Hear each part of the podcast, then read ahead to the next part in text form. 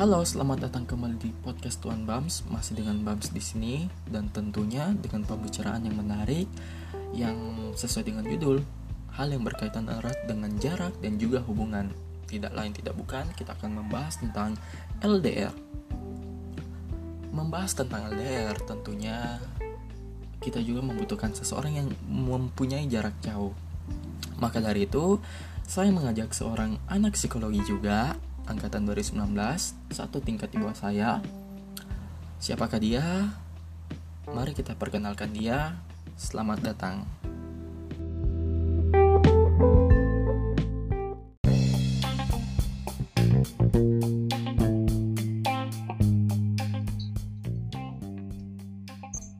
Halo Kiki. Hai Kak. Uh, ayo mungkin sebagai awal silakan memperkenalkan diri dulu ke para pendengar yang mungkin sekarang lagi mendengarkan. Uh, Oke, okay, nama saya Kiki, uh, salah satu mahasiswi di Fakultas Psikologi Universitas Negeri Makassar dan sekarang uh, menetap di Kota Makassar. Oke, okay. gimana Makassar? Aman-aman? Aman, aman. Aman. Kalau nggak aman diamankan. Oke, okay, sesuai topik yang tadi udah kita bahas sebelumnya. Hari ini kita mau bahas apa, Kiki? Tentang long distance relationship atau LDR. Atau LDR ini kayaknya bakal sangat-sangat panjang mengingat long distance relationship memang butuh pembahasan panjang. Iya dan podcasternya lagi ngerasain. Oke, okay, ini kayaknya bakal memanggil seseorang yang lagi di Bandung sana. Oke, okay, dari Kiki sendiri memandang bahwa LDR itu apa sih sebenarnya? LDR itu um, apa ya? Hubungan yang dijalin uh, dua orang oleh dua orang tapi terhalangi oleh yang namanya jarak. Oke, lagi-lagi jarak menjadi permasalahan atas hubungan. Iya betul. Uh, pernah nggak Kiki ngerasain LDR? Hmm, sekarang lagi ngerasain. Sama siapa tuh? Boys. Ternyata. Sama, sama doi lah. Wih, uh, membahas tentang LDR juga. Kenapa sih Kiki masih berani mempercayakan orang terhadap konsep LDR ini? Um, karena apa ya? Karena ya hubungan itu sendiri memang harus dilandaskan sama yang namanya kepercayaan gitu. Okay. Kepercayaan ya. Uh, membahas soal kepercayaan, saya juga sempat membaca bahwa salah satu hal yang paling penting di hubungan adalah kepercayaan itu sendiri. Selain yep. uh, dalam psikologi itu dibahas ada dua konsep yang saya tahu yaitu self disclosure atau pengungkapan diri dan trust atau kepercayaan. Dua ornamen ini sangat penting entah itu sebagai komunikasi langsung ataupun komunikasi tidak langsung di saat kita hanya berjarak seperti sekarang. Nah, dari Kiki sendiri memandang kenapa sih hmm, kepercayaan ini sangat penting di saat menjalani LDR? Karena menurut saya ya, uh, kun ya kuncinya ya emang kepercayaan ya. Ketika kita tidak percaya sama pasangan itu ya percuma dong. Kayak uh, kita sayang sama dia tapi nggak percaya karena uh, hubungannya itu bakalan kayak nggak beres gitu. Karena bawaannya selalu curiga apalagi doinya misalnya jauh beda kota atau beda negara. Beda kota aja udah repot apalagi beda negara ya Allah. Tapi beda negara. B aja B aja sebenarnya. Uh, terus menurut Kiki nih yang menarik dari LDR itu apa aja sih? Yang menarik itu um, apa ya? Lebih lebih tertantang gitu kak. Lebih tertantang kan kalau misalnya nih pacaran sama satu kampus atau yang dekat dari kita ya ketemuannya ya kan gampang terus kalau LDR tuh kayak menantang aja sih lebih membangun komunikasi juga. Oke, jadi kayak mungkin kalau LDR sekali ketemu itu ya memang momentum untuk melepas rindu ya. Nah, banyak yang bisa di-share juga apa-apa yang ter terjadi selama ini pas lagi LDRan gitu. Terus uh, pernah nggak Kiki merasa bahwa LDR itu rumit sih sebenarnya tapi enak juga? Pernah pernah sering. Kenapa tuh? Bisa di sharing mungkin? Karena yang rumitnya, yang mungkin sebagian besar orang mau menyerah dengan kata LDR itu ya ketika uh, sama-sama sibuk, sama sama-sama sibuk, uh, atau emang lagi atau lagi marahan kan? Kan kalau orang gak LDR tuh marahan bisa disamperin. Kalau orang LDR marahan uh, mau disamperin juga nggak bisa. Kalau ya pokoknya cuma uh, via uh, apa komunikasinya itu cuma via handphone gitu. Jadi kayak itu sih rumitnya. Tapi kalau serunya itu apa ya nggak tahu deh. Kayak lebih asik aja gitu. Ini aku punya cerita Kiki uh, silakan tanggapi bagaimana. Kan sekarang ini lagi berjarak nih, pemerintah aja mendukung kita untuk berjarak. Ya, betul. Di awal April tuh ada namanya April Mop. Ya, betul. April Mop kemarin. Ini ada temanku, anggap saja dia A dan pasangannya B. Si A di prank sama si B, sama si pasangannya, bahwa si B udah selingkuh selama dua minggu. Wow. Nah, Nah, ini udah dibilang prank, tapi si A udah terlanjur baper dong. Secara ya, dia nggak mau, nggak bisa nahan emosi kalau udah gitu. Dan menurut Kiki nih, di saat seperti itu kan dia nggak bisa tenangin secara langsung. Otomatis ya, kan kita lagi berjarak nih. Menurut Kiki bijak nggak sih kita LDR sambil buat sesuatu berita yang begituan? Um, sebenarnya kalau menurut saya pribadi sih um, sebelum menjalin hubungan itu kita mesti betul-betul paham gimana sih uh, karakter pasangan kita ini. Uh, kan ada tuh orang yang uh, bercandanya emang berlebihan dan pasangannya ini orangnya tersinggungan. Jadi kayak uh, kalau prank sih wajar ya. Kayak daripada romantisan romantisan mulu kan jadi jadi flat aja gitu hubungannya. Nah tapi mungkin dia salahnya ya kalau tipe pasangan kita orangnya uh, apa-apa di bawah seru ya oke okay lah bisa kena prank. Tapi ada ada ada pasangan yang uh, tipenya tuh kayak sensitif sensitif banget. Uh, sensitif posesif apalagi um, uh, apa lagi LDRan jadi uh, kalau masalah yang uh, kakak ceritain tadi ya sebenarnya dari pasangannya sendiri sih prank itu buat seru-seruan tapi emang nggak boleh sih uh, ngeprank tapi berlebihan sampai kayak bawa kata putus atau selingkuh gitu terlalu sensitif. Hmm, berarti menurut Kiki putus sama selingkuh itu adalah prank yang kurang ajar ya? Ya. nah, bagi orang-orang yang mungkin belum merasakan LDR nih Kiki. Yap bagaimana tanggapan Kiki? Mungkin mau ngajak mereka LDR? Bisa uh, Sebenarnya uh, seperti yang aku bilang tadi kak, kembali ke orangnya sih. Kalau aku tipe orangnya tuh nggak suka yang riuh, jadi uh, mending LDR aja lah uh, daripada yang ketemu secara langsung repot gitu. Tapi ada juga orang yang emang nggak bisa LDR tapi kalau uh, buat ke temen-temen uh, aku saranin cobalah LDR LDR itu seru banget. Yap. Satu bumbu yang paling menarik dari cinta yang berjarak adalah LDR selama beberapa waktu. Uh, kalau kakak LDR terlama kapan? Uh, berapa lama maksudnya?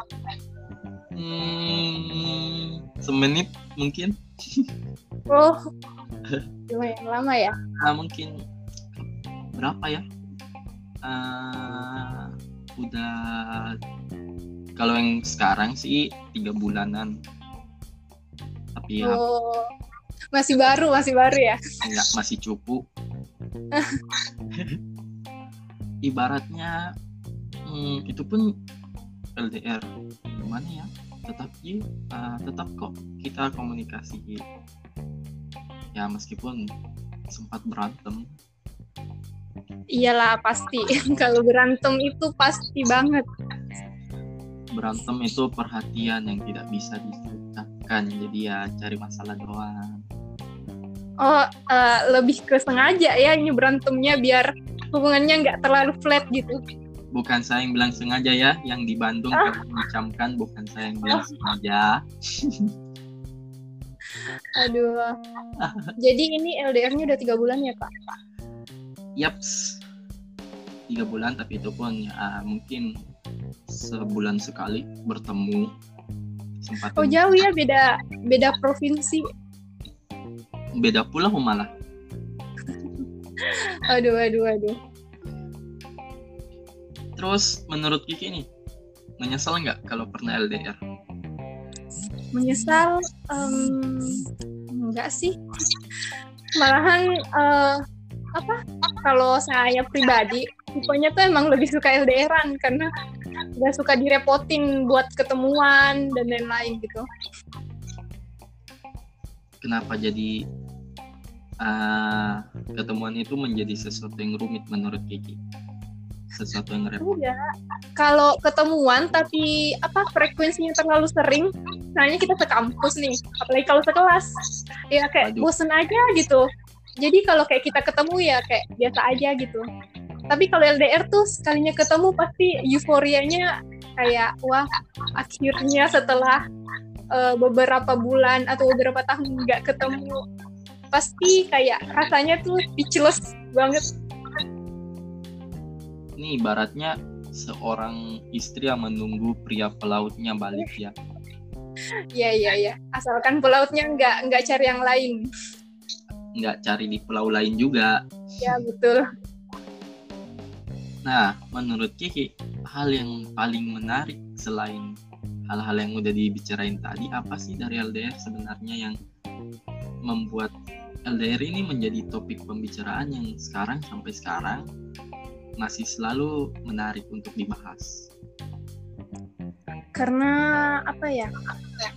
lebih kalau LDR itu lebih gimana kita menguji uh, kepercayaan uh, terhadap sesama gitu kepercayaan kita sama pasangan kita hmm. um, terus apa ya lebih seru aja gitu kayak uh, contohnya uh, pasangan lain itu uh, kalau mau nonton bareng uh, langsung ke bioskop nonton berdua. Kalau orang LDR tuh biasanya uh, apa video callan sambil nonton masing-masing di rumahnya gitu. Jadi kayak kalau dipikir wah seru banget nih kayak beda dari pasangan yang lain gitu. Jadi apa ya bagi orang yang suka yang suka hal-hal yang baru itu apa lebih tertantang lebih bakalan suka jadi LDR ini adalah pembeda yang sangat menarik untuk dijalani ya Iya. Yep. Tapi nih sesuai yang tadi Kiki bilang LDR itu kan sering buat masalah sendiri kayak untuk mencari perhatian. Iya. Aduh. Nah, menurut Kiki nih, uh, kenapa sih saat LDR kita sangat membutuhkan yang namanya drama-drama seperti itu? Uh, gimana ya? Kita butuh drama karena apa ya mau aja gitu diperhatiin sama pasangan atau mungkin saat itu lagi emang topiknya lagi nggak ada banget kan kayak bosen gitu kalau cuman topiknya uh, nanya kamu ngapain hari ini ngapain aja jadi kayak buat percikan apinya gitu loh buat mengundang topik atau sedikit perkelahian. Mengundang kebakaran ya. Asalkan jangan kebakaran yang gede gitu. Iya betul betul. Dari tapi kalau udah gitu kan sering ada yang merasa jadi korban dari LDR kadang-kadang yeah. kita nggak tahu kalau sebenarnya pasangan kita itu cuma mau cari perhatian doang nah Kiki untuk orang-orang yang beranggapan bahwa LDR itu adalah mereka adalah korban dari situasi yang bernama jarak wis. Iya. Tapi kadang jarak-jarak itulah yang sebenarnya menyatukan kita. Gitu. Dan jadi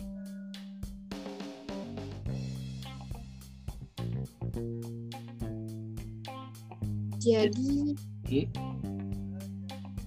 jadi ya jarak eh, jarak itu kayak kalau kita kalau bilang kita itu korban dari jarak ya enggak juga sih karena jarak juga menguntungkan buat kita. Jadi bukan korban nggak nggak nggak bisa disebut korban juga. Tapi sebagai apa dong? Sebagai apa ya pemanis lah. Eh pemanis. Kok pemanis sih? Gula kali. Nggak tahu tapi nggak sampai ke tahap korban gitu. Oke. Jadi mungkin mengubah persepsi sebagai korban menjadi seorang yang memang sedang diuji. Iya. Lagi iya lebih tepatnya lagi ke ujian gitu. Nah, kalau bahas-bahas soal LDR juga, kadang-kadang nih ada tuh tiba-tiba paket datang ke rumah pas dibuka. Gimana sih eh, rasanya kalau misalnya dipaketin begitu atau mengalami hal itu Kiki? aku pernah apa ya kalau cewek ya pasti dong kayak ih cowok gue eh, romantis banget sih kayak kan kalau aku LDR-nya beda negara. Jadi pas datang paketnya kayak wah, yang pertama aku pikir tuh ini biayanya dari sana ke sini tuh berapa ya? Jadi kayak lebih mikir ke situ. Harganya murah, pindunya yang mahal. Ya, betul. Seandainya orangnya bisa dipaketin, kenapa enggak gitu? Nah, berarti harus dimutilasi dulu beberapa bagian ya. Ya enggak juga sih, Kak. Eh, dalam sebelumnya aku pernah juga baca tentang eh, jurnal tentang LDR. Apa tuh, Kak? Eh, katanya tuh eh, dalam LDR itu diperlukan strategi komunikasi sama keterbukaan sih. Eh, keterbukaan di sini maksudnya eh, keterbukaan yang tepat. Jangan Iya. sembarang jangan sembarang membuka keadaan kita ke pasangan. Usahakan buat pasangan kita khawatir, tapi bukan khawatir yang malah memperumit keadaan. Hmm, kadang kadang-kadang kan kita merasa cemburu nih dalam LDR. Eh, betul. Kenapa sih bisa cemburu? Padahal udah komitmen loh. Eh, nggak tahu kalau aku, aku nggak pernah eh, cem, eh, apa cemburu ke doi. Karena doi emang eh, temen ceweknya dikit. Tapi doi yang cemburu ke aku. Do apa? Gimana ya? Mungkin kalau posesif itu kayak wajar sih. Kan maksudnya karena emang nggak bisa ngejagain secara langsung. Eh, bahas masalah yang tadi kakak bilang, yang kayak kita perlu keterbukaan aku pernah em, ditelepon sama eh, mantan aku. Terus ya harus terbuka dong. Terus aku SS-in ke doi. Iya do, iya doinya marah dong ya. Padahal eh, aku udah usahakan eh, terbuka ke dia. Kalau aku ditel ditelepon mantan, nah jadinya kok malah doi yang marah gitu, yang cemburu. Jadi kalau untuk pertanyaan tadi aku nggak tahu jawab, Ma, karena aku aku yang mau nanya ke kakak kenapa eh, doi bisa cemburu gitu padahal eh, udah komitmen Waduh, malah di counter ya. ya Ah, menurutku kenapa orang masih cemburu ya karena apa sih yang nggak khawatir kalau apa yang dia miliki direbut sama orang lain. ya ya ya Di sini adalah kita sih sebenarnya percaya atau enggak sama pasang pasangan kita. Cemburu ya wajar cemburu, tapi ya takutnya malah berlebihan. iya betul Ya, tapi kadang-kadang cemburu juga perlu karena ya bisa jadi tiba-tiba udah berpaling. Tiba-tiba Emang- lihat emang emang bener ya kak kalau cemburu itu tanda cinta ya? Cemburu tanda cinta iya sih cemburu itu tanda cinta tapi cemburu yang seperti apa dulu? Cemburu yang positif atau negatif karena kalau nyusahin orang juga kan gimana ya? Selain berhubungan sama kita dia kan masih jadi manusia. Sebelum Iya, berhubungan sama kita ini manusia. Dan menurutku ya kurang-kurangin lah cemburu. Ini kode ya ke doinya. Atau emang mau bilang gitu atau ah kalau itu udah sering dikatain sih Oh. silakan cemburu tapi ya tolong-tolong dikontrol iya iya betul betul. ada satu hal yang sangat menarik dari LDR GG Apa tuh kak? kualitas bukan kuantitas Oh maksudnya apa tuh kak? Kayak yang Kiki bilang tadi kalau keseringan ketemuan itu udah kuantitasnya banyak kan Betul. tapi ketika itu jarang ya berarti itu ki- kita main sama kualitas dan satu hal yang penting dari kualitas dia mungkin tidak sempurna tapi ditunggu-tunggu adanya iya. itu yang paling menarik sih sebenarnya karena pasangan lain bisa tiba-tiba ngerencanain pas pertemuan tapi pasangan yang lain juga bisa menentukan pertemuan tanpa tahu kapan pastinya mereka bertemu Oh jadi sama aja ya kak kalau eh, kua apa kuantitas itu kayak keseringan ketemu tapi kalau orang yang LDR itu kuantitasnya ya kalau sekali ketemu euforianya tuh kayak berkesan banget gitu. Yap, kuantitasnya bukan lebih ke pertemuan tapi lebih ke perasaan yang ada saat itu Ah betul betul. jadi lebih berkualitas sih pertemuannya Hmm, Eh, kak mungkin aku mau nanya aku mau nanya. Nah. Em, kalau kakak nih kan LDR itu nggak sebatas eh, beda kota. Eh, gimana sih kak kalau dari yang kakak tahu perspektif psikologi itu memandang orang yang LDR beda kultur, beda kultur ya, beda budaya ya? Iya, maksudnya beda budaya gimana nih? Emang orang yang berbeda yang satu suku Bugis yang satu Sunda atau gimana? Ya, ya semacam itulah. Yang kayak pokoknya budayanya beda lah. Jadi mindsetnya itu juga beda gitu. Mm-mm. nah ini yang menarik satu kata kuncinya ya adalah saling memahami ya memang nggak mudah sih mengartikan saling memahami tapi coba deh seperti yang ku katakan di awal self disclosure pengungkapan diri ungkapkan dirimu ke pasanganmu terus pahami bahwa dia bisa paham atau tidak kemudian biarkan pasanganmu juga mengungkapkan diri dan kamu semisi eh, semaksimal mungkin siapa pun itu mencoba untuk memahami juga dari situ mungkin menjadi awal kepercayaan dibentuk dan saling melengkapi bisa menjadi senjata utama dalam hubungan kalian. Oh gitu. Oke oke oke. Jadi mungkin Kiki punya pesan-pesan nih sebelum kita akhiri rekaman kali ini, siaran kali ini, apa sih yang sebenarnya mau Kiki sampaikan ke orang-orang yang masih berjuang dengan LDR dan orang-orang yang mungkin menyesal sudah LDR. Em, kalau untuk apa ya orang yang nyesel LDR dulu nih ya, karena eh, saya pribadi nggak pernah ngerasain, ya anggap aja lah mungkin eh, itu sebagai pengalaman atau pelajaran buat ke depannya apa yang pantas dan nggak pantas dilakukan.